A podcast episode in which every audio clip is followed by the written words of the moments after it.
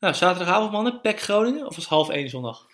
ja, weet ik veel. Ik heb het hele weekend... Kwart over twaalf. Ik heb, het, ik heb het hele weekend aan een petje. Hallo, leuk dat je luistert naar een nieuwe aflevering van de Voetbalpodcast. Mijn naam is Erik Elias en ik zit hier natuurlijk weer met Jimmy Driessen Hey, hallo. en natuurlijk met Sam Planting. Hoi Erik. Hoi Jimmy. Zo, daar deed je wel even goed je best voor. Ja, dramatisch. Hey mannen, ik heb zitten luisteren naar het laatste half uur van de podcast, van de vorige, wat jullie hebben zitten doen zonder mij. Nou, vond ik eigenlijk wel, eh, wel goed klinken. Jimmy pakte het goed op. Sam eh, kon eindelijk gewoon ongestoord uitpraten. Dus dat was ook heel fijn voor jou, denk ik, Sam. Ach, 18, 1800 positieve appjes gekregen. Ik heb geen idee, maar we zullen gewoon beginnen, jongens. Oké, is goed. Nou ja, we beginnen dus. Eh, goed voor de luisteraar om te weten. Ik heb bijna niks gezien dit weekend. Eh, zondag zelf voetballen, s'avonds iets met familie. Eh, zaterdag moest ik onverwacht weg. Heb ik helemaal geen voetbal gezien. Dus het, ik ga vandaag lekker even vragen aan Jimmy en Sam hoe het allemaal zat met het voetbal. Niet te veel zelf praten. Dus daar gaan we gelijk mee beginnen met de Eredivisie.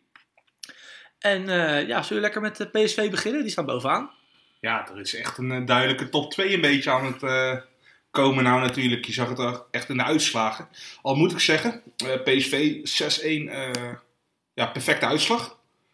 Eh, toch begon het even wat moeizamer. Eerste grote kans was toch wel voor, eh, voor Frans Sol die de paal raakt.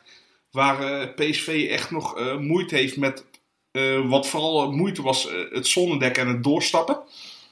Ging even verkeerd en ja, Willem II ging er eigenlijk vrij makkelijk doorheen. Maar ja, goed, daarna eh, schiet Hendricks een gigantisch eh, mooie in eh, ja, bijna de kruising. En, Jorrit Hendricks, ja. getriggerd door de andere podcast, waarin het werd gezegd dat hij nooit een bal vooruit speelt. Ja, Die wilde het toch even laten zien. hij speelde hem goed vooruit te doelen.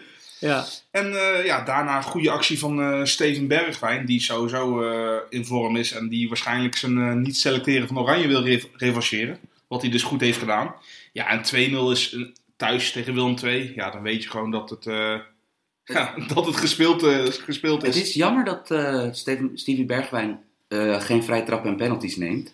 Want anders was hij een heel juicy outside pick geweest uit gokopzicht voor de, voor de topscorerstitel. Ja, Dat is er eentje waar je... Hij stond, hij stond aan het begin van het seizoen denk ik op 40 tegen 1. Dus dat je voor elke euro die je op hem inzette, dat je, dat je ergens tussen de... Ik denk ergens tussen de 30 en 40 kreeg. Dat zal nu wel veel lager zijn. Maar ik denk ook dat hij het net niet wordt. Kijk, El Kayati gaat geen topscorer worden. Eh, Shout-out El Kayati trouwens. Want eh, eh, nou, daar, daar gaan we vast eh, zo meteen ook nog wel heel veel bij stilstaan. Maar ehm, een verschrikkelijk goede voetballer is Bergwijn. ja Echt, maar eh, v- vergeet ook niet, kijk, Luc de Jong die, die scoort nog steeds wel redelijk wat natuurlijk, heeft af en toe wat hiaten ertussen. Maar de laatste jaren, eigenlijk eh, met Depay, met daarvoor Dries Mertens, met Lozano vorig jaar, zijn de topscorers zijn ook gewoon vaak de, de snelle vleugelspitsen die daarvan profiteren van de speelstijl van enerzijds Luc de Jong targetman, anderzijds als de snelle counterploeg. Ik heb laatst gekeken. eh, ik- ik heb dit stuk in mei voor Parool geschreven. Want dat was aan het einde van het seizoen. Naar aanleiding van de topscorerslijst. En wij in Nederland lopen nog een beetje achter. Dat relatief gezien over de laatste tien jaar wa- waren er, kon je nog, waren er relatief veel echte negens in de topscorerslijsten. De, snap je? De, de, de Depay's en eh Neres en, en, en Berghuizen daar gelaten. Maar dat is dus ook heel explosief aan het stijgen in Nederland. Ja. En het zou inderdaad eh, het zou alleen maar logisch zijn als dat inderdaad nu, als het weer een race wordt tussen, ja, toch allemaal niet-traditionele spitsen. Nou ja, kijk naar de topscorer van vorig jaar, Jan Baks. ja, maar ik heb Huntelaar wel hoog staan hoor. Als Dilberg niet fit wordt. Ja. Ja. Ja, mede dankzij de kanscreëerders van Ziyech en Ja, Tadic ik denk dat eh, als je Mike van, als je Mike van Duinen of Lars Veldwijk in de spits zou zetten, zouden die ook wel eh, prima tot eh, kansen komen, denk ik. Nee. Maar, maar even over PSV, jongens. Ik was eigenlijk na de, na de 2-0, was het al een gelopen race. Maar ik was nog steeds wel onder de indruk van eh, PSV dat goed door durfde te dekken. Ze kregen, eh Willem II kreeg eigenlijk geen ruimte meer. Vond het ook wel prima om Willem II af en toe wel de bal te laten.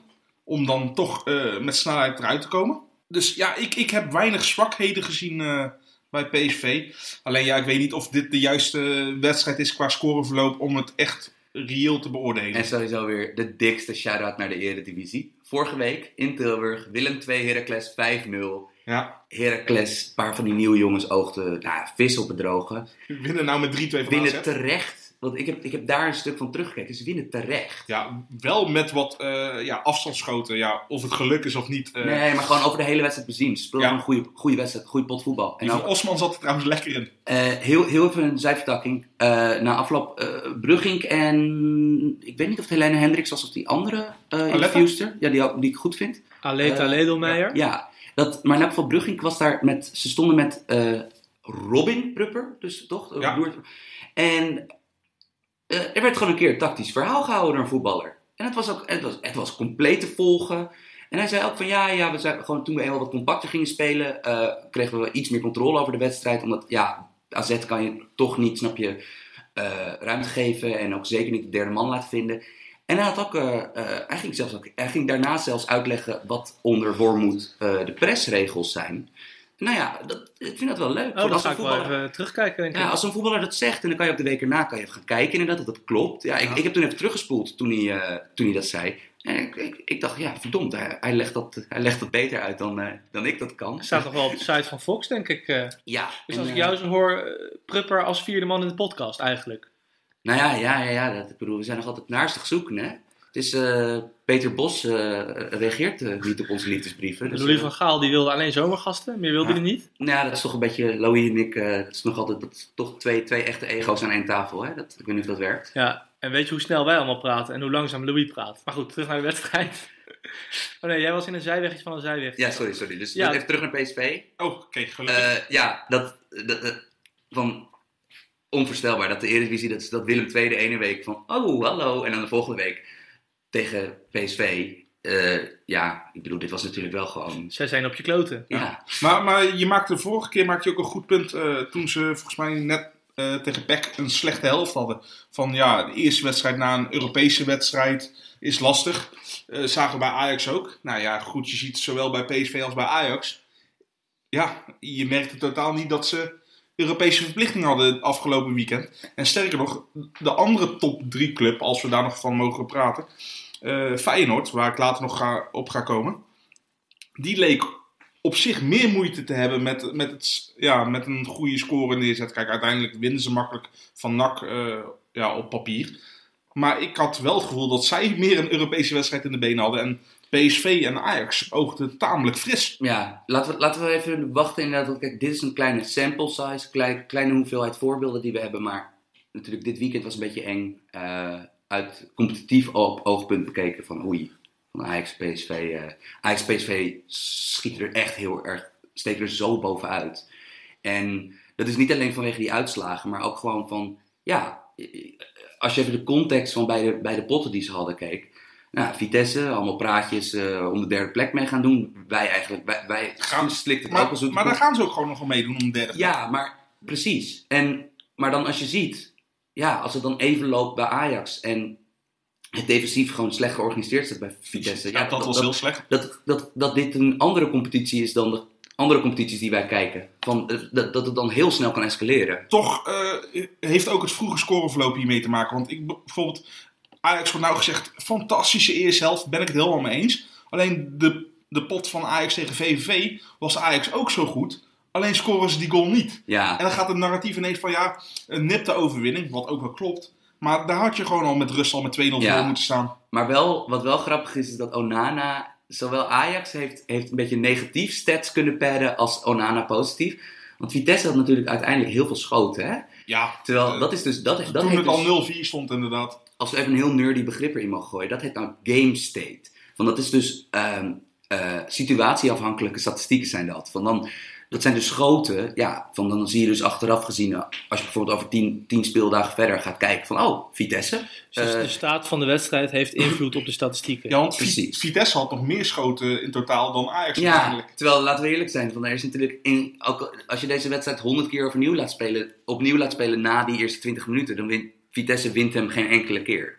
Dus eh, dat, was wel, dat was wel leuk om te zien inderdaad. Dan, dan zie je dus ook van, eh, dat bijvoorbeeld zo'n samenvatting dan ook nog redelijk vertekent. Ik ik heb de wedstrijd niet gezien. Was Vitesse alleen in het verdedigen slecht? Of, of ja, waren er aanknopingspunten? Of was het gewoon echt helemaal niks? Het, nou ja, Ajax gaf ze de kans niet om, Nee. om er iets goeds mee te doen. Want je ziet, kijk, Vitesse heeft gewoon, eh, ook met de spelers die ze nog in kunnen brengen, ze hebben gewoon voor eredivisiebegrippen voorin Veel Goeie kwaliteit. Ja. Maar wat ik vorige week ook al zei, ik heb toch een beetje mijn, mijn twijfels bij de defensieve kwaliteiten bij Vitesse.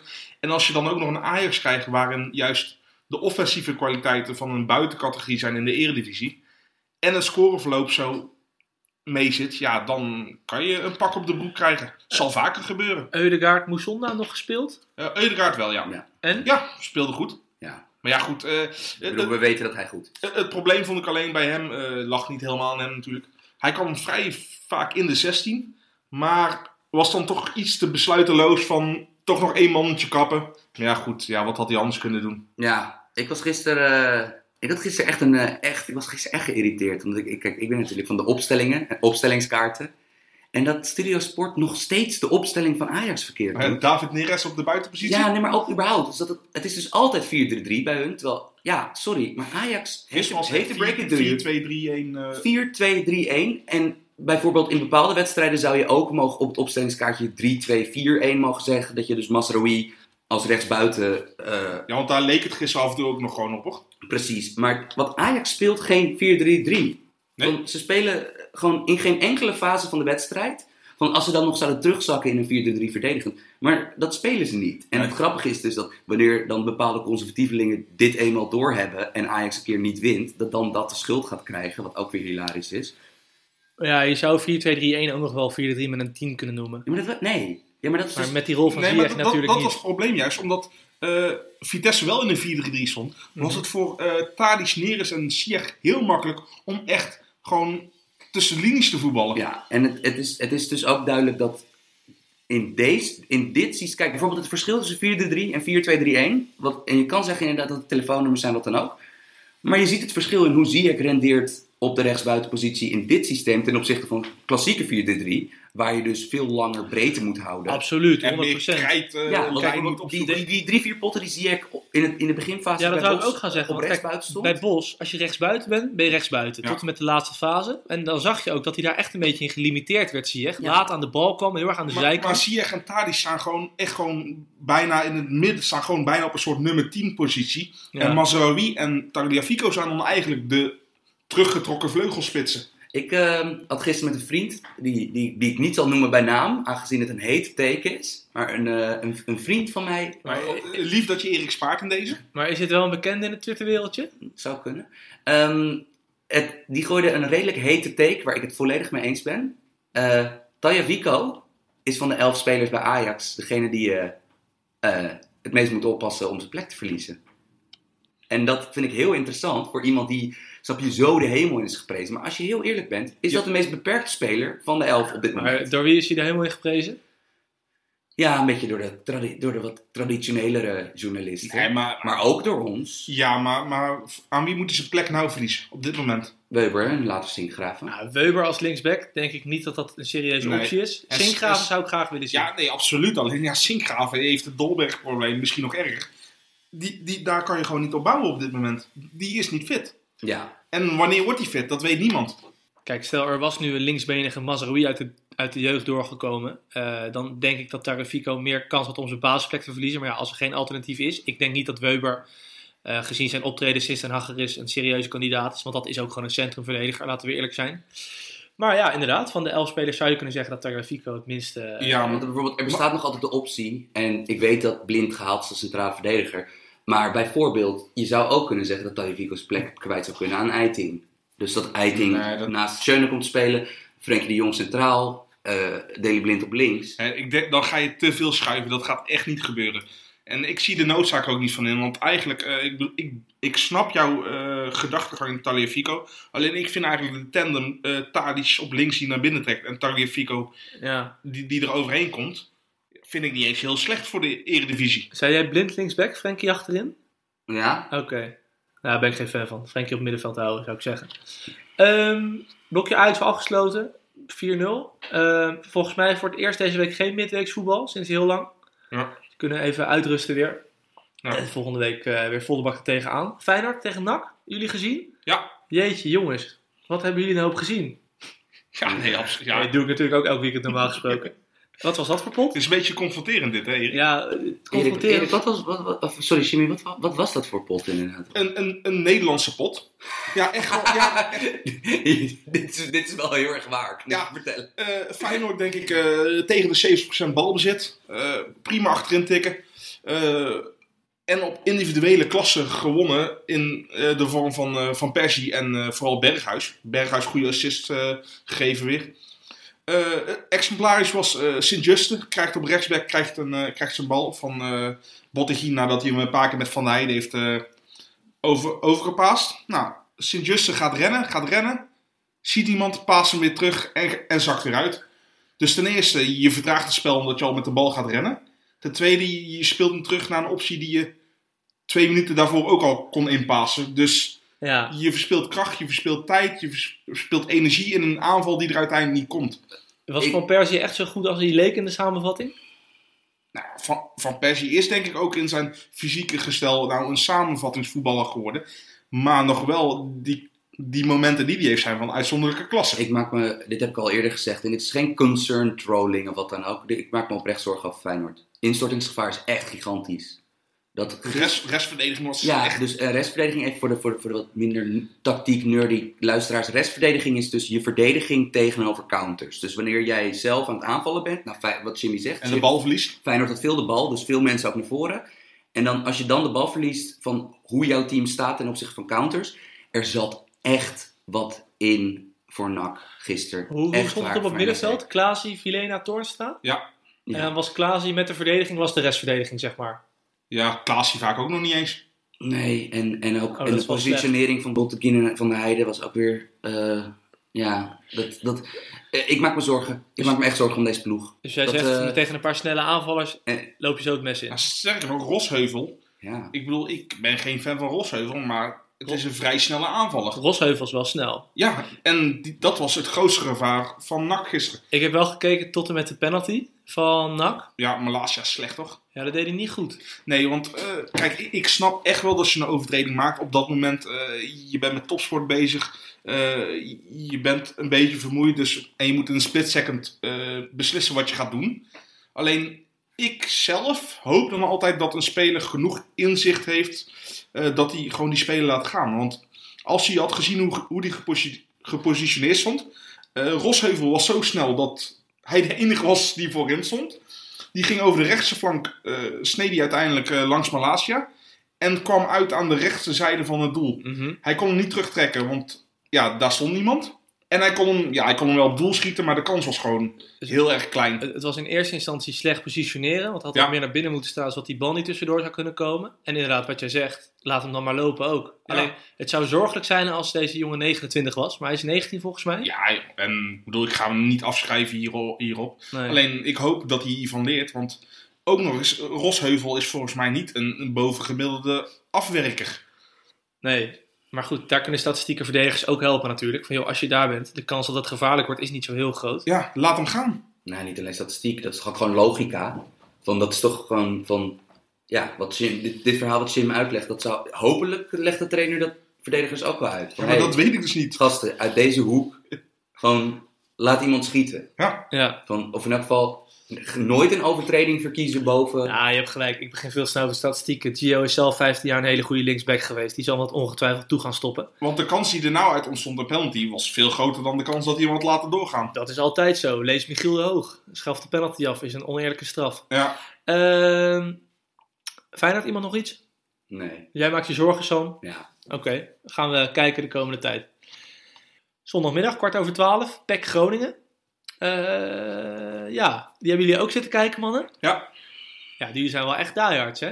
Ja, nee, ja, goed, je moet... eh, Liefhebbers. ik, nou, ik vind wel zoiets... Kijk, wij maken een podcast en dan moeten wij wel kunnen bespreken wat we hebben gezien. Tuurlijk, De man. dingen die we niet hebben gezien, vind ik niet dat we die kunnen bespreken. Er zijn genoeg mensen die allemaal hele grote uitspraken doen op basis van samenvattingen of niet eens kijken. Dus eh, daar vind ik een hele goede regel. Alleen, ja, ik moet tegenwoordig zondag om 11 uur of half 12 zelf voetballen. Dus de kwart over 12 wedstrijd, die komt wel op jullie bordje. Ja, prima. En eh, in de statistieken was terug te zien dat ene E. Elias een gele kaart had gepakt dit weekend. Ja, klopt. Maar ik haalde wel een counter eruit, dus dat was een slimme Ja, dat zeg jij, terwijl Jim en ik zijn 99,5% zeker overtuigd, overtuigd dat dit ba- babbelen, tegen de scheidsrechter was. Nou, ga jij even vragen aan mijn teamgenoten wat het was? En ik denk dat de luisteraars dit ook totaal niet interessant vinden. De verrichtingen van eh, Graaf Willem II vak zondag 2. Dus dat is mooi. Pek Groningen hadden we het over. Ja, eh, zeg het maar mannen. Ja, eh, van PEC wist ik al een beetje dat ik eh, zou gaan schrikken. Groningen, ik vond het ook niet heel best. Maar eh PEC vind ik wel een beetje fortuinlijk gewonnen. Ik bedoel, het, het had alle kanten op kunnen gaan. Slecht gekiept van Sergio Pad. Ja, Echt. Dat, ik bedoel, dat mag ook wel eens benoemd worden. ja, ja Van- vind ik dit seizoen al vaker. Terwijl, terwijl het eigenlijk wel gewoon voor Eredivisie begrip is. Gewoon een goede keeper. Maar we gaan het later voor Oranje hebben. Daar is hij wel gewoon voor opgeroepen. Oogt te zwaar. Is te zwaar. Ja, geen idee. Eh, Dat mag je nooit zeggen, maar hij- ja. Natuurlijk wel. ja. Hij, Ja. lijkt, hij lijkt mij iets te zwaar. Kijk, ik heb geen eh, natuurkunde gestudeerd, maar als je lichter bent, kom je toch sneller bij de hoek, of niet? Nee, maar ik bedoel, dat is toch ook bijvoorbeeld... eh, eh, Als je zwaarder bent, bedek je meer massa aan het doel. Nee, maar bijvoorbeeld, ja, eh, luister, eh, ik zag, eh, wij zaten in een, een of andere documentaire, zaten wij drie maanden geleden. Ik keek mezelf terug en ik trok de conclusie, nou ja, ik ben te dik nu, er moet iets aan gebeuren, punt. Van, het spijt me, maar als, En nu ben je Als 10 jij- kilo lichter.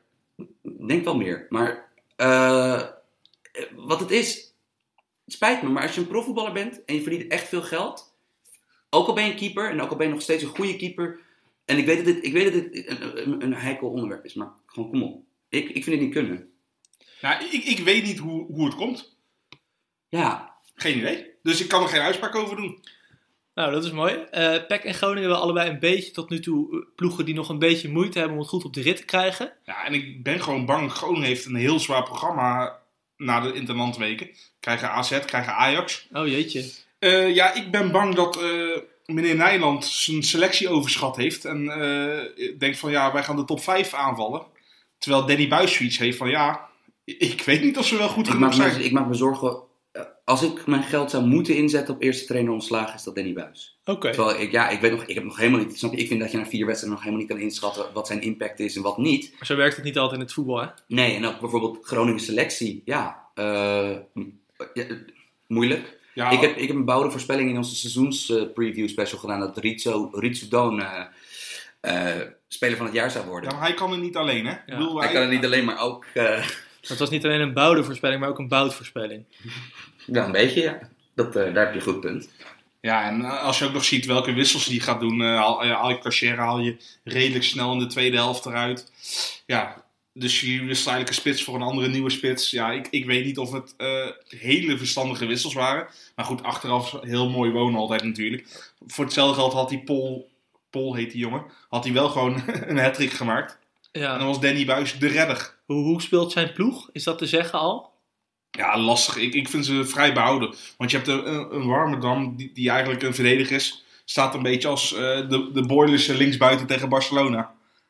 Ja, het, ik vind het. eh, dit, dit is, ik maak me zorgen om deze ploeg. Ook al. Oh, ja, maar gewoon vanwege dat wedstrijdschema. Gewoon dat. dat eh, ja. Stel je voor, wat, wat- is het inderdaad Ajax en AZ nu? Ja, volgens mij, volgens mij wel. Dus dan heb je drie uit zes daarna. Ja, Ja, dan komt er paniek. Gaan de lokale media dingen schrijven. Ja, Ja? Groningen is die, die, zijn er al, die zijn er al. Ja. Hij- Er wordt al aan de stoelpoten gezaagd natuurlijk. Ja? Jawel, natuurlijk. dat weet ik niet. Ja, ik, Het is eh, voetbal, Erik. Er zijn dagen dat ik het dagblad van het noorden oversla. Ja, het is voetbal. Of, we- of we nou in, in Noord-Nederland of in, West, eh, in West-Polen leven, dat, eh, het is voetbal. nou, een dagvers product wordt er altijd zo mooi gezegd. eh, als je niet presteert, gaan ze niet kijken naar hoe het komt dat je niet presteert. Nee, je presteert niet, dus kop eraf. Oké. Eh, Nog even voor Groningen. Groningen-fans, eh, of mensen die willen, het wel en wee van Groningen willen weten, er is een mooie podcast nu over. ja, Kon veel minder. kon veel minder. De podcast. Vind hem op iTunes, Soundcloud en je favoriete podcast app. Even een nieuwtje, ja? Nee, ik wil nog even iets zeggen eh, over PEC. Ze komen wel goed weg, want ik weet niet wat, hoe, hoe precies die regelgeving met VAR nou precies zit. Maar waarom krijgt Mike van Duinen geen rode kaart? Want hij geeft gewoon echt een, een knietje. Oké, hij kan het zeggen van ik, hij heeft een gebrekkige motoriek, want dat heeft Mike van Duinen ook echt. Maar ja, jongens, dit moet toch gewoon. Een, een- videoassistent referee moet dit toch gewoon zien? Eh, is dit dan die, die beruchte 2%? Dat we zeggen ze hebben 98% goed en Ja. 2% niet. Ik heb het knietje niet gezien.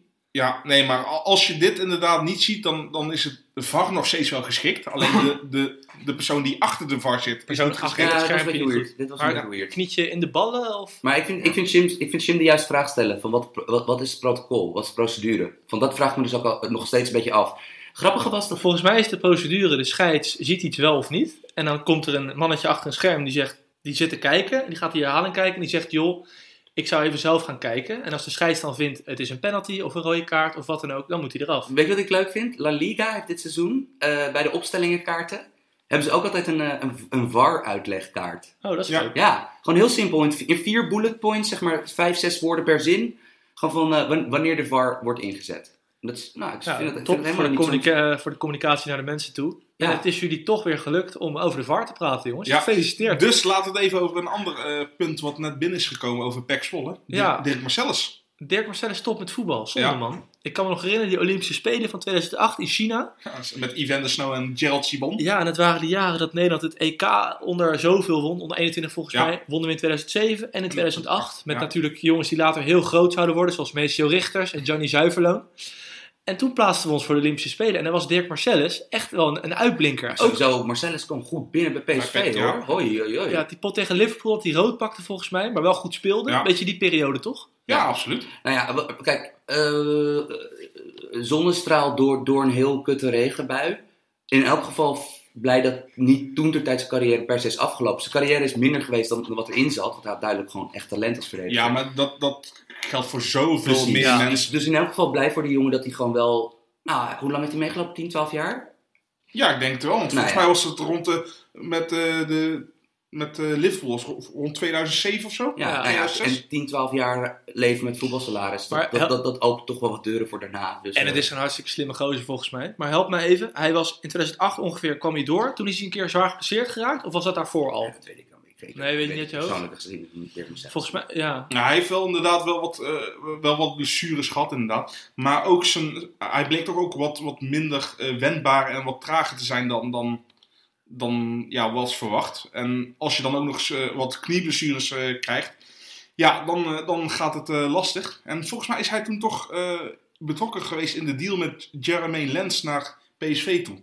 En hij naar AZ. Ja, Ja, Het zou wel kunnen, was wel zelfde periode. ja, het is wel echt een dalende lijn in. PSV, AZ en jij eindigt bij Zwolle.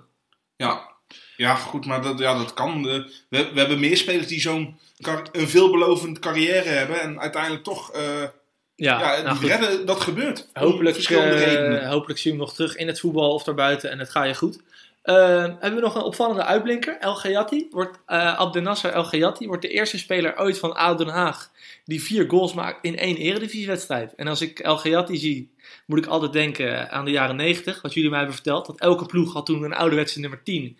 Die werden niet allemaal weggekocht door de grotere clubs. En hij lijkt me zo'n speler. Hij is natuurlijk al wat ouder. Ja, vergeet niet dat ze toen niet weg werden gekocht door de grotere clubs. Omdat je ook die buitenlandsregel nog had natuurlijk. Als pre-Bosman, je mocht maar drie buitenlands opstellen. Dus elke club kon een verdette uit het buitenland hebben. Ja, dat is wel echt vet. En hij is wel zo'n speler, ja, een beetje ouderwets, creatief. En hij is nogal wat ouder. Ik denk dat hij als hij 2 of 23 was en hij had dit laten zien de laatste paar seizoenen, dat hij wel weg was geweest. Ja. Hij heeft, heeft sowieso een bizarre carrièreverloop gehad, hè? Ja, Kozakkenboys? Ja, komt uit de jeugd van PSV. En heeft volgens mij ook nog ergens in Cyprus gespeeld, volgens mij. QPR. Ja, ja en, en ook een wat lagere eh, Bur- Burton, volgens mij of zo. Ja, maar in elk geval, Hij is 29 of zo al, hoor. ja, en eh goede voetballer.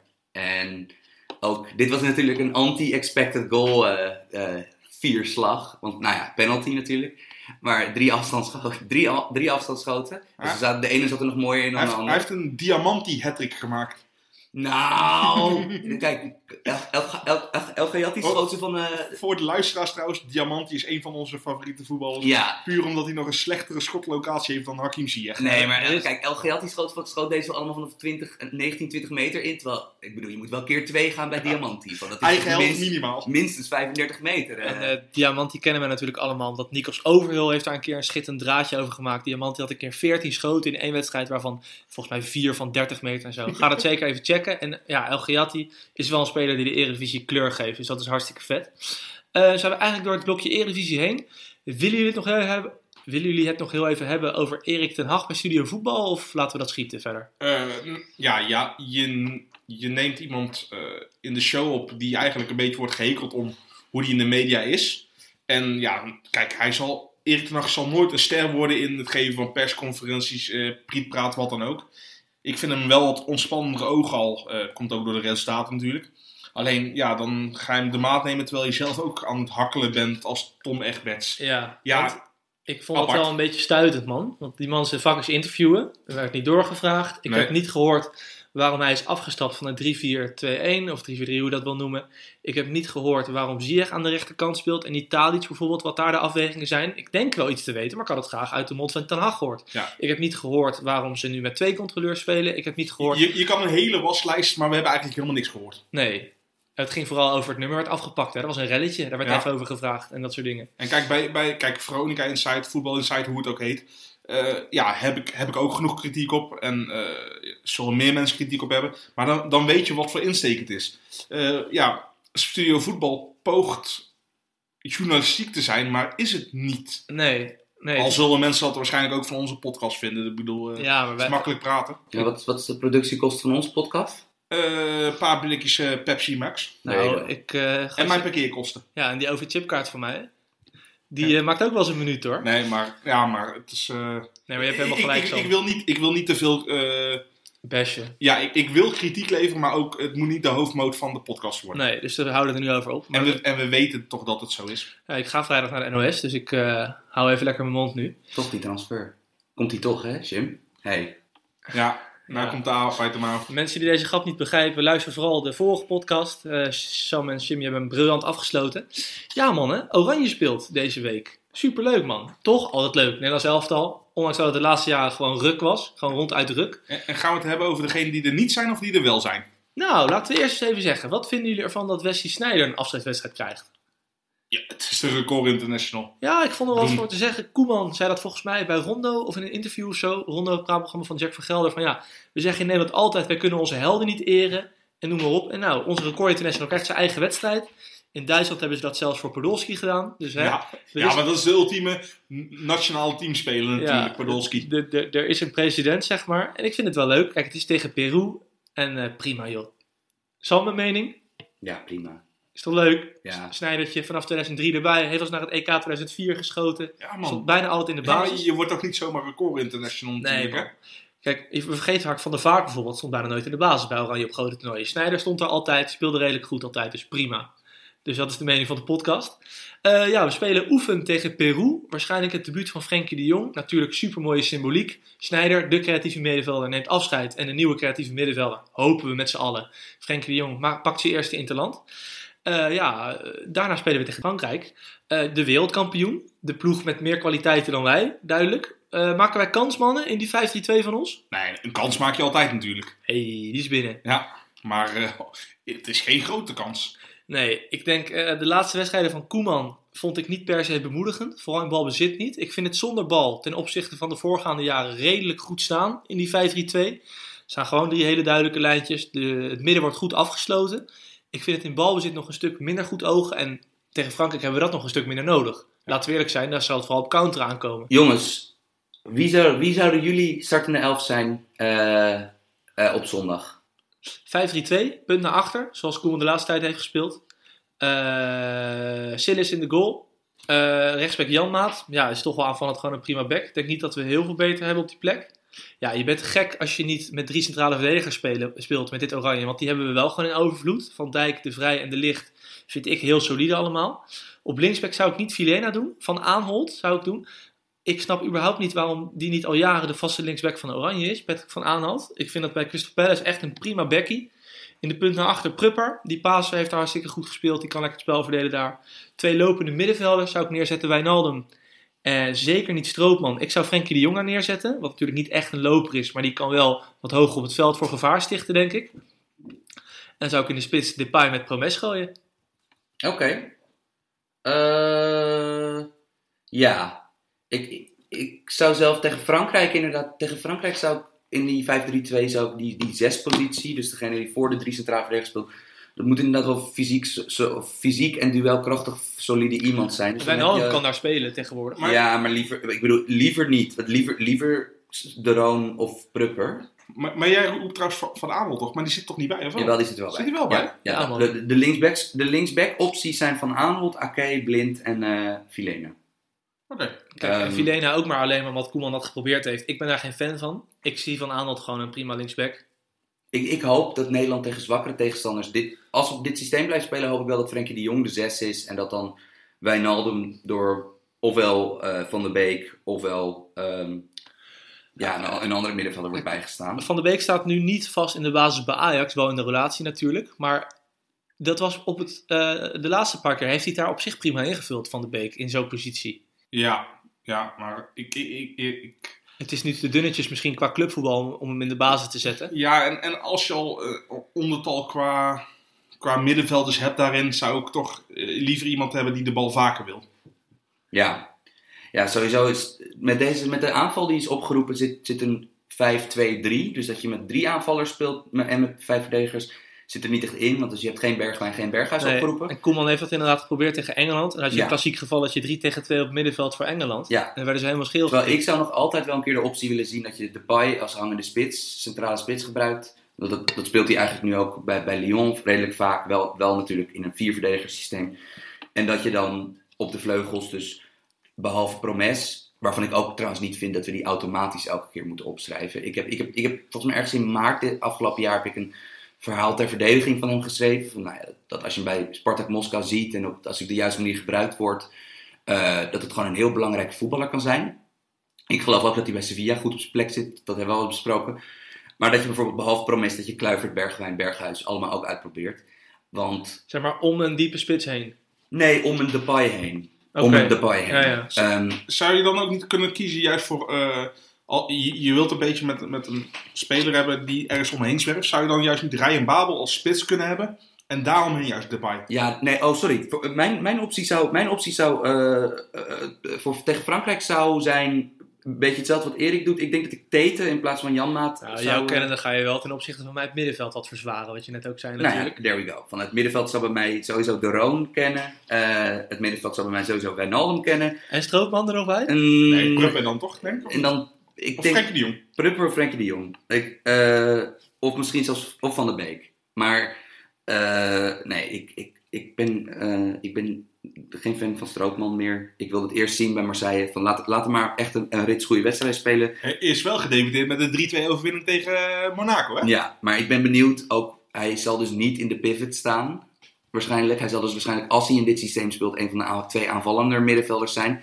En dan heb ik liever iemand die, die iets meer creativiteit eh in En die wat, legt. wat, wat dynamischer is ook. Ja, ja, en dan voorin, nee, voorin, Babel eh, de Pai werkte. Ah, Babel heeft het goed gedaan in Oranje. Ja. De laatste tijd. En ik bedoel, eh Babel de Pai is iets dynamischer voor als de tegenstander de bal heeft dan eh Luc de Jong de Pai. Wat ook kan werken hoor. Maar ehm, Niet tegen het ik, verdedigersduo ik, van ben geen eh, fan van, ik ben geen fan van 5-3-2 spelen met twee buitenspelers voorin. Nee, oké. Omdat je bang bent dat je de bal er niet vasthoudt. Maar de Pai is met zijn rug naar de goal echt wel een jongen die de bal vast kan houden.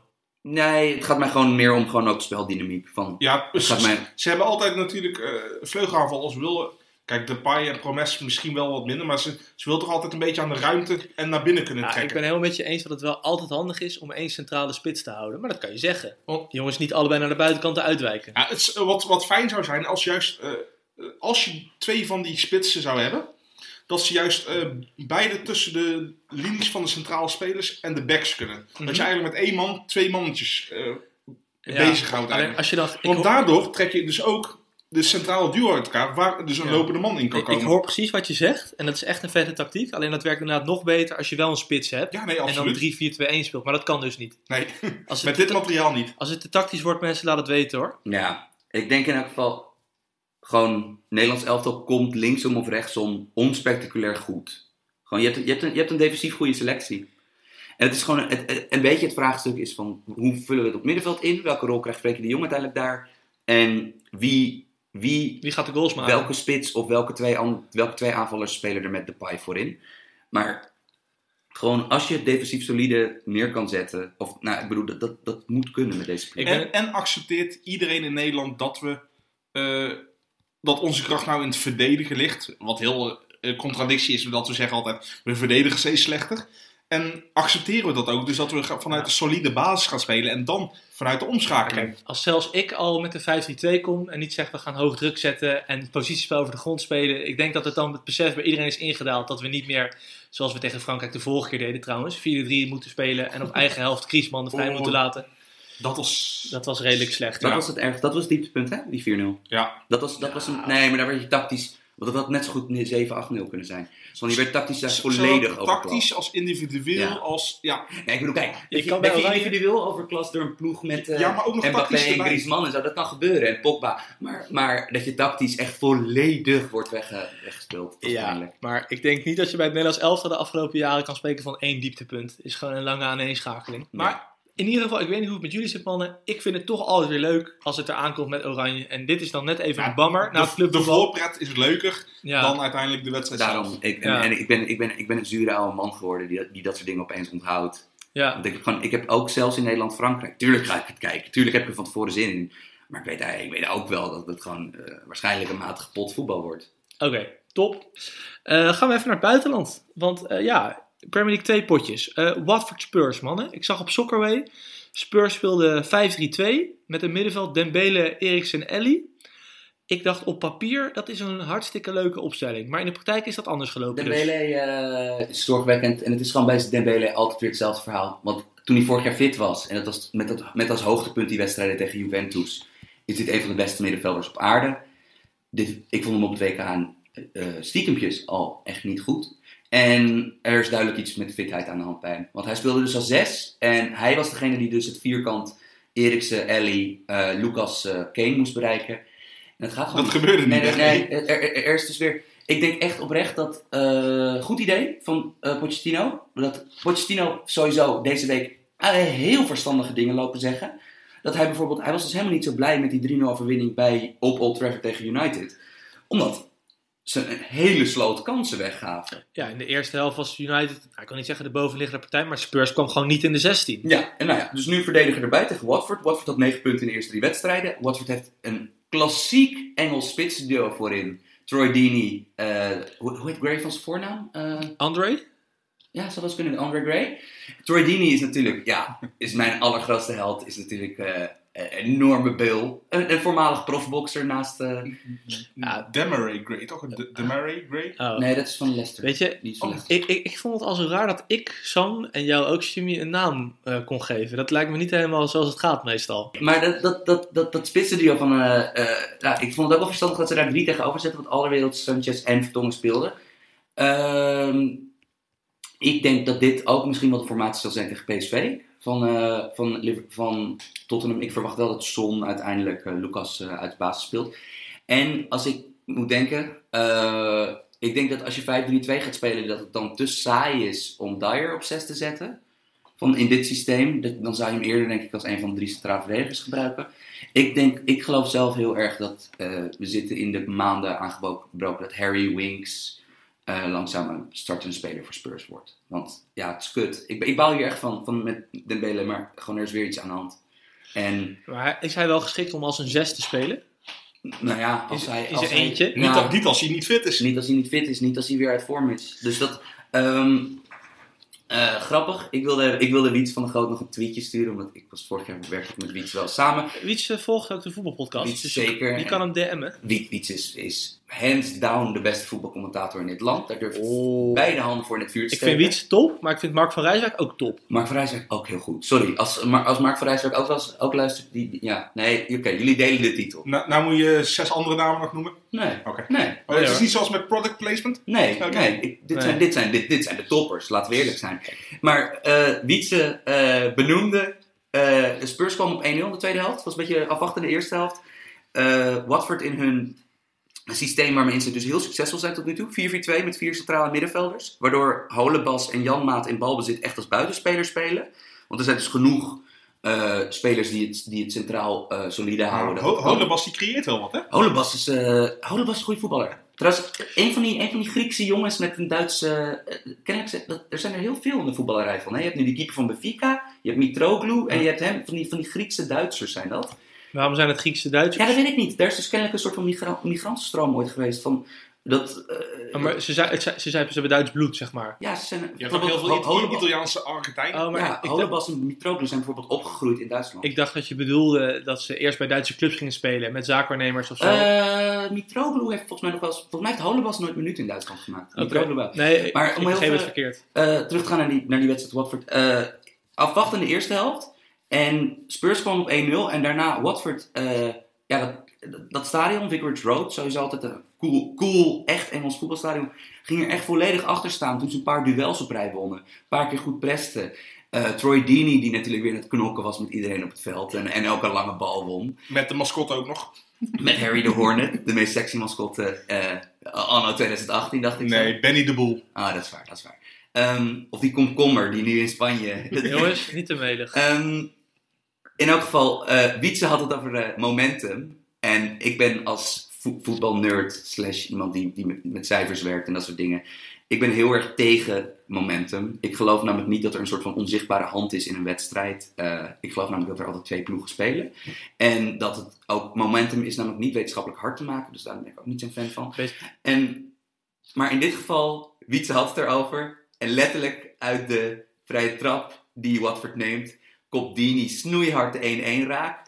Bij de eerstvolgende corner van Watford zegt uh, van ja, nou ja, ik bedoel, eh, eh, ja, ik bedoel, van, van, hij, zit, hij hangt in de lucht, de 2 voor Watford. En ik moet toegeven, het, was wel, het voelde wel een beetje zo. En, hij, en vervolgens Cathcart uh, kopt hem uh, uh, ook schitterend binnen. Echt, echt, tussen drie verdedigers door kopte hij hem uh, echt mooi raak. En ook niet de minste verdedigers natuurlijk. Maar in elk geval, Watford de verrassingsploeg tot nu toe in Engeland. Leuk. Uh, Vier gespeeld, 12 punten. Ja. ja, zijn die gasten echt, jongens? Ja, ze staan op het veld, dus ze zijn echt... Is dat een structureel goede ploeg? Gaan die uh, top 6, uh, hebben die top 6 aspiraties op basis van de eerste vier wedstrijden? Uh, nou ja, Weet... Dit is de enige ploeg in de Premier League special die we niet hebben behandeld, hè? We hebben één zinnetje tussendoor gezegd. Beste speler vertrokken. Ja, Richarlison. Ja. Zal, zal hij al spijt hebben? nou, ik denk dat hij wel flink wat knagen krijgt nee. bij Everton. Weet je wat is? Structureel gaan ze dit niet volhouden nee, natuurlijk. Niet. En, uh, maar, uh, dat zeiden we ook ooit over Leicester. Dus het kan een keer als alle sterren goed staan in de lucht. Als al het mee zit en bij de topploegen alles tegen zit. Het verschil bij Leicester was wel dat in het seizoen 2015-2016 heel veel ploegen het niet op de rit hadden. Chelsea had het niet op de rit, Arsenal had het niet op de rit, ja. City had het niet op de rit. En dat is nu wel echt anders. Ja, uh, City en dus, Liverpool hebben het wel op de rit. Heel veel om, om Watford props te geven. Dus behalve de backs die opvallen in het spitsenduo. Met dus de knokker en de, en de, en de snelheidsduivel. Want Andre Gray is zo'n echte klassieke Premier League, uh, zo'n championship spits die zeg maar off the shoulder speelt. Dus die altijd probeert in de diepte een sprint te trekken voor de steekpaas. Of voor de doorgekopte bal. Maar de uitblinkers bij Watford zijn, uh, zijn te vinden op het middenveld. Ze hebben dus twee um, spelmakers aan de buitenkant staan. Will Hughes aan de ene kant. Heel lang bij Derby County. Derby uh, County, groot ja, talent. werd altijd gezien als, als monstertalent. Terwijl in het championship was voor hem altijd een beetje moeilijk. Omdat hij zich gewoon een... Hij, hij is een beetje een Ajax middenvelder. Wel eentje die, die Premier League-achtige tackles inzet en dat soort dingen hoor. Maar um, gewoon, het, het, is een, het, is een, het is een frele uh, um, technische middenvelder. En aan de andere kant hebben ze een permanent onderschatte clubvoetballer. Gewoon eindelijk een keer fit. Roberto Pereira. Want, van Juventus vroeger. Van Juventus, ja. maar vooral van Udinese in Italië. Dat is gewoon een heel goede voetballer. Die maakte twee goede goals op de eerste speeldag. Ja, en dan hebben ze nog Doucouré. Dat is, was vorig jaar eigenlijk een beetje een gehypte speler. En dat is ook gewoon dat is een echte box-to-box middenvelder. Dat is een verdedigende middenvelder die echt aanvallend vaak gevaarlijk is. Het plaatje klopt een beetje. Het plaatje klopt een beetje. Wie is trainer?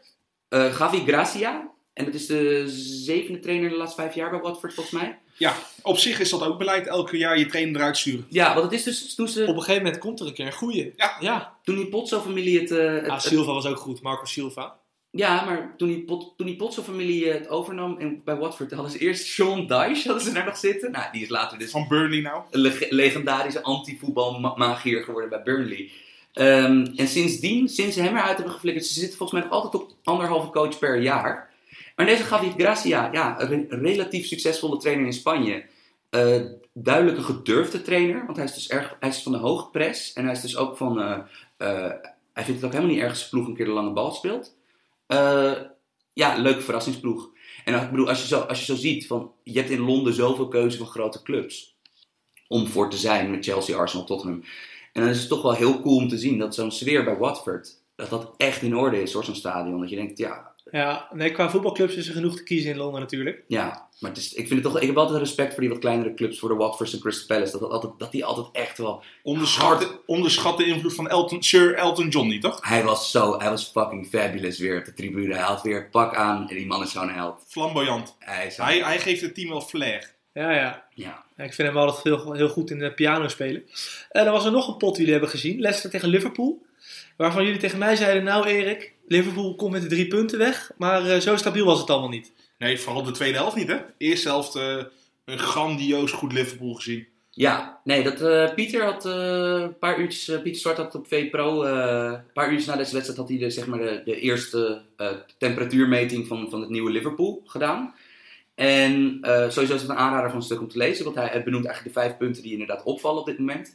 Dat bijvoorbeeld Firmino is, is nog meer een valse spits geworden. Eh, die, die backs zijn door nieuwe opbouwpatroontjes bij Liverpool. Die backs spelen eigenlijk permanent in balbezit als buitenspelers. Alexander Arnold en Robertson. Beetje op zijn Spurs. Echt super hoog die backs. Nee, nee, nee, op zijn Liverpools. Nee, Op zijn Liverpools. Nee, ik vind, nee ik, vind dat een beetje tactisch, een beetje belediging voor, voor, voor, voor, voor Liverpool om ze te vergelijken met andere ploegen.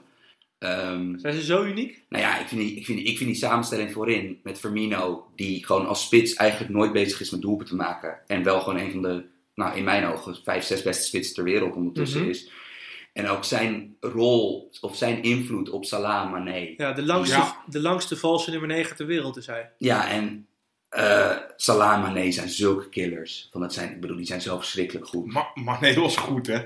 Het is, Mane, dat is dus door, Is dat, eigenlijk altijd goed. door dat Maar, eh, monsterseizoen van Salah zijn we een beetje vergeten dat Mane is een geweldenaar. Waarom zeiden jullie tegen mij op WhatsApp dat het zo eh, stroef liep dan allemaal? Nou, omdat Leicester, kijk, Leicester is dus een beetje probleem, probleem met die Puel. Heel, heel, heel lieve, saaie man is dat in het echt. Degelijk. Degelijk, hij oogt heel degelijk als Hij rijdt vast en zeker een stationwagen. Ja, en inderdaad, zo iemand die zijn belasting al in maart heeft ingevuld. Ja, ja, ja. Dat doe ik ook. En eh, het probleem altijd bij hem is, ik vind, zijn, ik vind hem bij, ik vond hem bij Southampton en nu bij Leicester. Het staat altijd goed tegen goede tegenstanders bij Leicester. Ook tegen United op de eerste speeldag kon je dat weer zien. Het probleem is alleen een beetje dat zijn ploegen zijn niet zo sexy wanneer ze de betere ploeg van de twee zijn en het spel moeten maken. Maar ja, Leicester zette dus, dit is dus heel erg in, het lijkt helemaal niet op, op wat ze onder Ranieri, hoe ze kampioen werden. Maar Leicester was echt aan het hoog aan het pressen. En Leicester is een leuke ploeg hoor, dit jaar. leuke ploeg, veel Ja, gekocht. Madison is een... Dat is leuk. een van de spelers in de Premier League die niet bij de top zit. Ja. Ja. Ja. Leicester is geen top, hè. Waar ik mijn tv wel voor aan zou Ja, en Damari Gray, is- Damari Gray heeft de potentie om, om een, een heel belangrijk speler voor het Engels elftal te worden. En die- de, de, Damari, Gray- zal ook absoluut binnen nu en twee jaar naar een van de top 6 clubs gaan. Oh, Die buitenspeler. Wat Die zet ik op een tegeltje hoor. ja, want ik bedoel, het is toch weer, dat, het is gewoon heel simpel. Van, er- als je een bepaalde eh, hoogte aan snelheid kan combineren met, met techniek, dan kom je er altijd wel uit. Is hij beter dan Zaha? Ja, Oké. veel beter. Maar Dat, Liverpool eh, wint dus wel. Ja, maar het, het zegt al genoeg dat eh Klopp de power move moest maken in de tweede helft om, om Keita toch te, toch te brengen. Jazeker. En ook dat klopt. ehm, wat ik interessant vind is dat het middenveld bij, bij Liverpool. Het was dus weer. ehm, het was dus nu eh Wijnaldum, Henderson, Milner. Het was de eerste paar competitiewedstrijden. Was het Keita, Wijnaldum, eh, Milner. En dan dus. eh Wijnaldum was dus niet meer op 6 nu, maar weer gewoon op zijn traditionele 8 positie. En ze hebben dus nu de drie jongens die ze, die ze al in de selectie hadden op het middenveld. En ja, dan werd het, dat oog het in balbezit toch iets kwetsbaarder. En het grappige is dus dat Klopp heeft nog geen enkele keer Fabinho bij de wedstrijdselectie gehad. Terwijl daar heeft Liverpool nou ruim 40 miljoen voor betaald. Die wordt heel rustig Die, gebracht. die gaan ze dadelijk in de Champions League gaan ze die brengen. Absoluut. Het is toch altijd de vraag van, ik vraag mij af of hij dan, eh, of hij een 6 wordt, of dat hij een soort van tweede nummer 6 wordt, dat het verzwaarder middenveld is. Ik denk dat laatste. Ja, want ik denk ook, en dat, dit benoemde Pieter heel goed met een paar mooie voorbeelden erbij in dat artikel, van Liverpool heeft dus nu ook gewoon de ploeg om niet, al, om niet 90 minuten die vol gas press te spelen. Want zij hebben nu ook wel eens van, zij kunnen nu ook wel weer eens in een, in een nauwe 4-3-3 of in een, in zelfs een 4-5-1 terugvallen. En gewoon het initiatief even aan de tegenstander laten. Want ja, ook dat kan je natuurlijk met Salah, Mane prima doen. Dus eigenlijk moraal van het verhaal. Of wil je nog Jim? Ja, ik denk gewoon, eh, Liverpool heeft dit jaar echt goed doorgeselecteerd. En als iedereen fit is, hebben ze echt verdomd weinig zwakke plekken. Ja, en ook wat, wat, wat volgens mij het allerfijnste is voor de Liverpool-fans van deze competitiestart.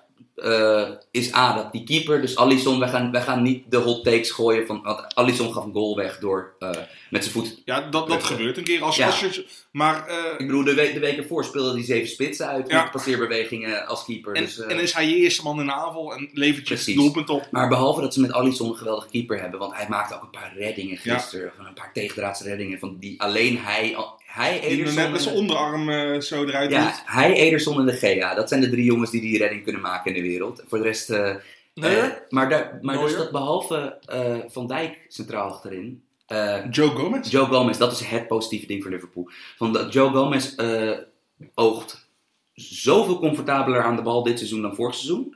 En ik denk dat dat gewoon ook is van vorig seizoen moest hij vrij vaak als rechtsback aan, opdraven. Terwijl het is gewoon, als je ook ziet hoe fors hij gebouwd is, het is gewoon een centrale man. Zal er niet echt een rotatiespeler voor Alexander Arnold? Ja, en ik, ik denk eerlijk gezegd dat Matip en Loveren eh, ook aan het einde van het seizoen, de, want Loveren is nu niet fit en Matip wordt, wordt ook, ik kwam ook terug Dus van... ze eh, zullen ze niet alle twee weg doen. Eén van de twee Nee, zal oh nee, maar ze gaan niet weg. Maar ik denk dat, ik denk dat, dus dat wanneer Liverpool ver in de Champions League is of om die Premier League titel meedoet, dat, dat dan in de wedstrijden waar het toe- doet, dat het Gomez van Dijk zal zijn. Ja, Ja, maar dat goed. denk ik ook. Moraal van het verhaal. Stel een trainer aan die goed is. Ontsla hem niet als hij achter wordt in zijn eerste seizoen. Stel vast wat je speelstijl is. Koop er goede spelers bij. En je gaat goed voetbal spelen. Nee, Het klinkt heel erg makkelijk allemaal dit, ik Erik. bedoel, Kijk, luister, dit gaat natuurlijk ook om. Liverpool is een club die eh, de kunst van het hoog budget eh, runnen heel goed beheerst. Zij weten wat voor macht zij. Bijvoorbeeld hun voetbalwetenschap achter de schermen is krankzinnig. Want waarom Ja, kunnen zij niet dat het elke makkelijk keer... was. Maar het idee is vrij simpel, toch? Kijk, hoeveel clubs... De, de beste ideeën zijn simpel. Wil Ja, niet zeggen dat ze makkelijk uitvoerbaar zijn Kijk naar. Dortmund. Hoeveel clubs wisselen niet totaal van speelstijl met een trainer? Hoeveel clubs doen dat niet? Veel te Martijn veel. Leijners is eruit geflikkerd bij NEC omdat hij niet in een half jaar dat pressingvoetbal erin kreeg. Ze hebben Klop laten zitten toen hij achtste werd.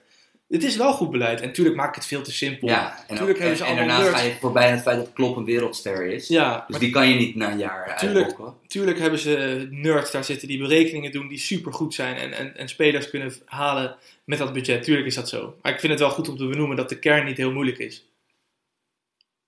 Ja, ik, eh, Ja, ik vind het een beetje een eigenwijze... Ik vind, ik vind het te makkelijk. Nou, mooi.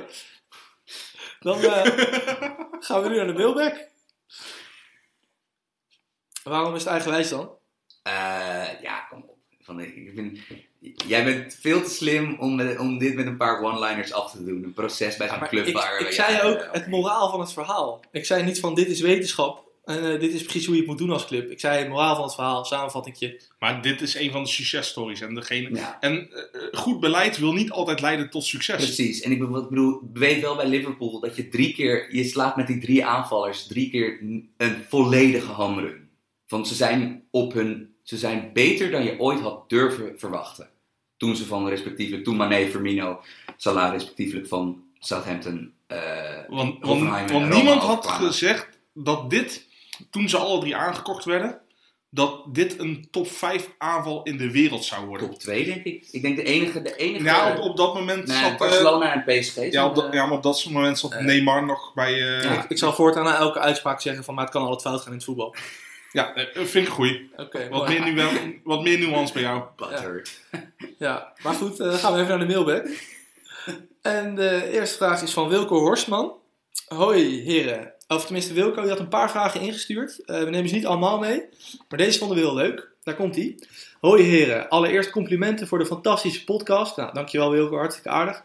Als jullie morgen een eredivisie club zouden moeten overnemen en hier het beleid gaan voeren. Welke club zouden jullie nemen en waarom? Nou, dit is wel, terwijl we net een discussie hebben gehad over goed beleid, is dit wel echt een heerlijke vraag. Ja, Shim, welke club zou jij overnemen en waarom? Feyenoord. Leg Omdat- uit. Nou, het is in principe hoort het de tweede grootste club van Nederland te zijn. Dus zouden ze structureel met goed beleid eh, PSV voor kunnen blijven. En incidenteel Ajax, omdat Ajax nog net iets groter is natuurlijk. Eh, ja, Feyenoord is al jaren een sleeping giant. En juist het kampioenschap heeft ze nog meer in slaap ge- gedoezeld voor mijn gevoel.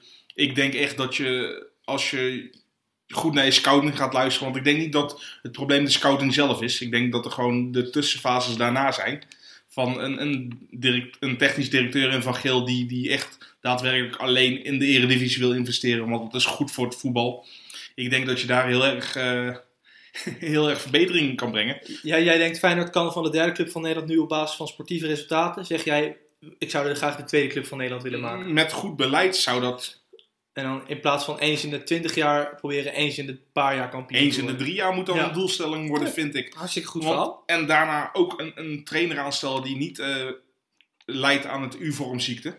Zou leuk zijn, man. Maar goed, eh, ik, ik vrees voor de Feyenoord-fans dat dit niet gaat gebeuren. En, en hoe doe je dat dan als ze naar jouw Twitter gaan kijken, de Feyenoord fans, en dat ze met fakkels en hooivorken in jouw achtertuin staan, omdat jij een Ajax-fan bent? Kakkelak. Of is dat... Oh, dat, oh sorry. Eh, Ja, ik ben niet zo goed. Ik ben niet zo in de supporterscultuur, als ik heel eerlijk ben. Hoe ga je dat doen, Jim? Nou ja, goed, ik, eh, zoals ik het op Twitter ook doe, iemand die je weerwoord geeft, die ban ik gelijk de moeder. Oké, Dus eh, beetje de Mike Verwijter. ja, gewoon eh, blok. Klinkt hartstikke duurzaam inderdaad. Nee, maar eh, serieus leuk, Feyenoord. Had ik niet aan gedacht. Wat heb jij, Sam? Ja, ik zou heel graag... Mijn droom is toch een keer dat, dat we in Nederland een, een Michieland-achtig project krijgen. En dan maakt het me eigenlijk niet uit hoe en wat. Dus het coolste is natuurlijk... Wel saai dat je geen club noemt. Nee, maar ja, Ja. ja. oké. gewoon een club waar, die altijd gewoon onderpresteert. Dus dat zou Groningen kunnen zijn, Heerenveen. eh, ja. Gewoon een club, een club met, een met een redelijk trouwe achterban. Dat, ik denk dat dat wel altijd wel redelijk belangrijk is. En ook je werk wat leuker maakt. Van, Maar jij kan er heel veel op- kiezen. Dus NAC, Heerenveen, Excelsior, Utrecht. bijvoorbeeld Excelsior is een ploeg die ik, al, die ik al heel slim beleid vind voeren. Net zoals bijvoorbeeld Fortuna lijkt me ook. Maar ik zou allemaal niet uitmaken. Ik zou gewoon willen zien wat, als je, zo, als je het zo aanpakt en alle domino-steentjes op de juiste manier vallen, hoe ver je kan komen. Ja, vet. Ik ga eigenlijk voor, eh, ik ga een beetje vals spelen. Er stond in de vraag Eredivisie Club. Eh, ik zou denk ik in de eerste divisie ergens onderaan iets willen pakken waar echt werkelijk nog nooit wat eh, gebeurd is qua sportieve prestaties. Denk Telstar, denk Top Os, zoiets. En dan zou ik dat, zou ik mezelf, Os, dan zou je toch liever FC Den Bosch... eh, FC Den Bosch vind ik ook veel mooiere goed. stad, veel mooiere club. Maak ik mezelf algemeen directeur. Dan eh, maak ik jullie met z'n tweeën technisch directeur of scout of wat jullie ook maar willen doen. Maar jullie worden. Maar- oh, dit is wel mooi, hè? We zitten altijd maar te zeiken dat iedereen vriendendiensten krijgt en zo. En nou ga je daar zelf gewoon aan meedoen, Nee, hè? en jullie- daarnaast onderschat jij compleet wat ik zou vragen. Luister, jullie zou ik niet aanstellen op basis van dat wij vrienden zijn. Nee, jullie zijn goed. Als, jullie, nou, ons, Maar je noemt ons wel vrienden? als jullie onzin uit zouden kramen, zou ik ook hier niet aan deze tafel met jullie die podcast maken. Dus jullie Ah. zouden gewoon lekker technische beleid mogen voeren. Ik ben wel jullie baas dan, even voor alle duidelijkheid. Dus als je een paar kutspelers haalt, flikker ik je eruit. en zo zou ik het doen. Nee, serieus. Het lijkt mij heel vet om, om zoiets te doen bij een club naar de Eredivisie brengen en proberen zeg maar het AZ te worden. Ah, Top 3 ga je nooit inhalen met het achterland van de top. maar zou je dan niet juist Almere City willen pakken? Omdat dat juist een... die spelen eigenlijk al iets te hoog nu. Die scherken al tegen de Eredivisie aan. En, en die Ja, maar ze al- spelen het nog niet. Nee. Almere is wel echt een stad, kent weinig concurrentie in principe. Als je een Os doet, heb je, heb je een RKC, heb je een Den Bosch, heb je een Eindhoven, een Helmond Sport. Ja, maar ja, goed. Ja, alle, ja, ik denk dat je al die sponsoren redelijk snel op kan zuigen. Nou, ik, nee, want dan heb je nog PSV, NAC en Willem II als grotere Ja, Brabantse maar Almere. City zit naast Amsterdam. Als er iemand in je jeugd dan een beetje goed kan voetballen. Ik hoor jullie trouwens allebei niet over jeugd. Dat is vrij belangrijk. Als er iemand in je jeugdopleiding goed kan voetballen, gaat hij al naar Ajax bij jou. Bij Almere City dan. En dat is bij de andere clubs niet anders? Nou, dat is bij Top Os ook wel zo met PSV, ja. Daarom, want, want de, de grote clubs plegen gewoon roofbouw op de Ja, jeugdopleiding. En Top ja, Os haalt ze weer van een amateurclub. Dus Daarom. dan is de cirkel altijd weer rond.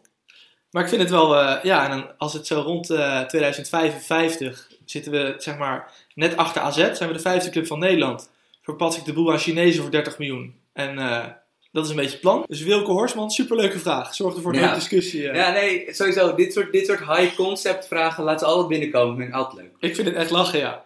Kijk, en zeker in de situatie dat wij met z'n drieën bij een clubje zouden zitten. Want ja, jullie zouden mij niet aannemen, blijkbaar. Ik jullie wel. Is ook weer iets wat ik geleerd heb vandaag. Dus dat is mooi. Nog een vraagje van Jeffrey Neteson. Ik hoop dat ik het goed uitspreek, Jeffrey. Een vraag voor de mailback over het Nederlands elftal. Waarom werden, schuine worden, spelers uit de eredivisie, met name de top 3, eerder geselecteerd dan spelers die Bundesliga of Premier League spelen bij een lage club? Pieters, Van Aanholk, Van Dijk vroeger. Kun, eh, wat vinden jullie hiervan? Ik vind het altijd echt heel lastig. Ik denk dat je het ook gewoon per geval apart moet kijken. Eh, ja, moet een speler van Ajax, PSV, Feyenoord, ja, Feyenoord misschien niet per se, maar eh, moet die eerder geselecteerd worden omdat zij in een, op een hoger niveau qua eigen team spelen? Want ik bedoel, ik, ik denk nog steeds dat een, dat een Ajax of een PSV structureel sterker is dan een, een, een lage club in een grote competitie.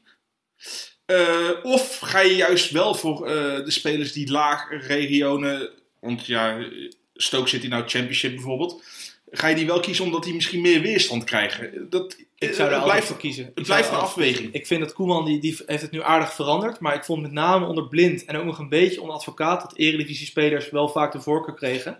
En we moeten niet vergeten, dat is structureel gezien de 11e, 12e, 13e competitie van Europa. En als je dan een Van Aanholt hebt of een Pieters en je gaat dan Jairo Riedewald als linksback opstellen, ja, ik heb daar wel problemen mee. Ja, maar, maar een Pieters, ja, ik, ik heb die discussie zelf nooit heel erg begrepen. Ik, ik ben, Jij vindt Pieters een houthakker. Ja, ik vind het geen goede, goede speler Dan zet inderdaad. je een streep door Pieters en dan zet je Van Aanholt neer. Ik, ik vind wel dat in Nederland, eh, Martin de Roon bijvoorbeeld, ook heel lang niet opgeroepen. Terwijl die gewoon maar, in Italië maar moet je, stel voor, je, je hebt dezelfde speler. Je hebt Van Aanholt is verhuurd aan Vitesse. Mhm. Dan moet je hem niet oproepen. Maar als hij dan een jaar later in de basis staat van Crystal Palace, moet je hem wel oproepen. Nou, je moet gewoon, Vind ik ook raar. Dat klopt helemaal. Je moet gewoon kijken welke spelers goed zijn. En je moet de beste links linksback zetten. En ik denk dat de kans groot is dat de linksback van Crystal Palace beter is tegenwoordig dan de linksback van Ajax. Ja, en je moet gaan kijken hoe wil je gaan spelen en welke spelers passen daar ook het beste bij. Dat begint, daar begint het altijd mee. Want, want ga je, je je vaste voorkeur voor een aantal spelers en dan pas een systeem doen? Of ga je eerst een systeem uitdokteren en daar je beste spelers bij? Nee, natuurlijk. Dat zeggen we hier altijd wat de goede volgorde is. Je zit heel bedenkelijk te kijken, Sam. Ja, ik vind het, ja, ik vind het een moeilijke vraag. Omdat volgens mij is het, scheelt het, het scheelt volgens mij echt per geval. En eh, de enige verklaring die ik ervoor kan hebben is dat, het, dat er een bias is. Dus dat er een soort van bevoordeeldheid is. Dat, ik denk dat het inderdaad, dat als je in een winnend team speelt. En nou ja, als je bij Ajax, PSV of Feyenoord speelt, win je 70 tot 80 procent van je wedstrijden. Ja, dat het makkelijker, eh, dat je dat soms misschien sterker oogt dan wanneer je elke week gewoon eh, ja, moet bijpoten als team om punten te pakken. Of dat bij Crystal Palace of Stoke City is of wat dan ook. Daar zou het, Of Atalanta. daar zou het mee te maken kunnen hebben. Maar eh, ja, ik vind, het, ik, ik, vind er, ik vind er te weinig bewijsstukken voor dat dit al- allereerst gebeurt. Ja, ik, ik, ik, ben sowieso. eh, mijn probleem met bondscoachselecties is altijd dat. Ik vind altijd dat er. er lijkt altijd een beetje politiek plaats te vinden. Terwijl van, ik heb altijd zoiets van. Kijk nou eerst even gewoon van wel- wat voor soort voetbal je wil spelen. En Precies wat dan Jim kan- zegt Ja, precies. inderdaad. En dan kan het gewoon gebeuren dat wel eens een goede speler er niet bij zit. Omdat hij gewoon niet in je systeem past. Kijk maar naar de, Zoals je nou een berghuis hebt. nou ja, we spelen zondag tegen Frankrijk. Kijk wat voor keuzes de chance heeft gemaakt. Ja, Van hij heeft oprecht de, de beste linksback op de wereld. Heeft hij gewoon het hele toernooi op de bank gehouden. Voor Lucas, voor, eh, ja, voor Lucas Hernandez. Eh, Benjamin Mandy heeft hij dus het hele toernooi op de bank gehouden. Gewoon, eh, snap je? Hij had, hij had geweldige aanvallers voorin. Dembele, Fekir en wat dan ook. Nou, nee, we spelen met, met, met Matuidi. Matuidi. Want dit is onze speelstijl. Van hij zegt zo van ja, wij, gingen, wij kunnen de- het beste uit onze sterspelers halen. Als wij conservatief zijn als de rest van het team. En hij hield zich eraan. Nou ja, en dat betekent dus dat, dat, je, dat een Matuidi of Tolisso misschien een veel grotere rol in zo'n land en in zo'n nationale ploeg heeft dan een Ousmane Dembele of Nabil Fekir. En ja, dat soort keuzes. Gewoon, je moet eerst gewoon bepalen wat je gaat doen als team. En daarom eh, ook bijvoorbeeld, ja, frivol, vooruit voetballende verdedigers of wat dan ook. Die zullen misschien in de komende paar jaar eh, het niet echt heel erg makkelijk hebben om in het Nederlands elftal te komen. nee. Omdat A, heb je daar goede jongens zitten en B, is dat niet het systeem wat we nu spelen. Compleet mee eens, inderdaad. Eh, ik hoop dat dat een goede antwoord op je vraag was, Jeffrey. Gaan we naar de volgende van Hugo Holleman. Een vraag uit Tokio ingestuurd. Dat is wel vet. De, de mailbackvraag die het langste afstand heeft afgelegd tot nu toe in de geschiedenis. Zou Jean-Paul de Jong met het materiaal wat hij nu heeft bij FC Utrecht niet beter kunnen switchen naar een 4-3-3? Tanane en Kerk zijn meer buitenspelers, terwijl Bahabek en Makinok beter uit de verf komen als eenzame spits. Leuke vraag. Sam zei al zoiets aan het eind van de vorige aflevering. Ja, Ten Hag heeft natuurlijk ooit die 4-4-2 ruiter daarin gepompt. En dat ze met, eh, als de tegenstander de bal heeft, spelen ze 4-3 met drie spitsen op lijn. Drie aanvallers op lijn, kan je beter zeggen. Jean-Paul de Jong heeft daar tot nu toe aan, toege, aan vastgehouden. Maar kan hij dat beter veranderen, Jim? Ja, vind ik, vind ik lastig. Ik, ik denk wel dat inderdaad deze selectie ook met het aantal aanvallers wat je hebt, eh, de- niet eens de kwaliteit, maar ook de kwantiteit, dat je beter naar drie kan gaan. Want anders heb je daar echt veel te veel spelers voor te weinig posities. Hoe zie jij dat, Sam? Ja, eh, ik ben benieuwd. Ik vind, eh, Utrecht is zo'n ploeg die, die, we nog heel veel, die moet het nog heel veel uitvogelen dit jaar. Want die hebben dus, men zat hen aan, de- aan de ene kant te prijzen voor, voor hun transferzomer. En aan de andere kant zag je heel erg veel geklaag voorbij komen. Dat ze een keer gewoon tegen Fortuna Sittard, wat volgens mij helemaal geen deukenploeg is. Dat ze, ja, dat ze niet zo goed oogden. We zullen het zien. Ik denk ook eerlijk gezegd dat ze met het aantal aanvallers dat je nu in de selectie hebt, dat je die wel eigenlijk speeltijd moeten gaan krijgen. Denk ik dat ook dat je. Aan de andere kant, ik blijf altijd een voorbeeld, uh, voordeel vinden dat voor Utrecht dat ze niet het traditionele systeem spelen. Waardoor dus de veldverhoudingen eigenlijk per definitie tegenover Utrecht altijd ingewikkelder zijn voor een Nederlands tegenstander dan anders. Omdat je bent gewoon gewend tegen 4-3, 4-2-3-1 te spelen. En dit heeft toch iets andere dimensies. Uh, en ja, je moet je elfte ook gewoon op je beste spelers afstemmen. Bijvoorbeeld, ja, Kleiber, hoe rendeert hij het beste uh, van overeen? Uh, noem ze allemaal op. En ik denk, ik denk zelf ook dat dit uiteindelijk vierde, in een 4-3 eindigt. En ik weet niet of dat, goed, dat per se een goede ontwikkeling is. Ja, het probleem is ook, Utrecht is zelf nog een beetje zoekende. Dus is nog niet vast... Uh, kijk, vorig jaar wist je gewoon, dit zijn de drie beste spelers. Die spelen altijd. Dat heb je nou voorin, heb je dat niet echt. Want dan maak je nog heel erg... Heel erg uh, het publiek is heel erg op zijn hand, maar uh, laat het in de wedstrijden ook nog niet zien. Terwijl het eigenlijk wel een type spits is die in Nederland zou moeten renderen. Bahabek, uh, vorig jaar heeft hij een paar wedstrijden gespeeld, goede indruk achtergelaten, maar ja, hoe fit is hij nu? Uh, wat voor wedstrijdritten heeft hij? Dus het zijn nog allemaal een beetje vraagtekens zijn het allemaal. Ja, ze zijn vier wedstrijden onderweg, dus zo ja, dat het sowieso. Maar, ook, ja. dankjewel voor het luisteren, we zijn er weer doorheen. Volgende week weer een nieuwe aflevering. Gaan we natuurlijk Oranje nabeschouwen. En allemaal andere dingen. Als je er tijd voor hebt en je vond het goed, geef even een recensie op iTunes. Kunnen we altijd gebruiken namelijk. En ik vond het weer hartstikke leuk met Sam en Jimmy. Tot volgende maandag en uh, tot ziens. Hey, tot ziens.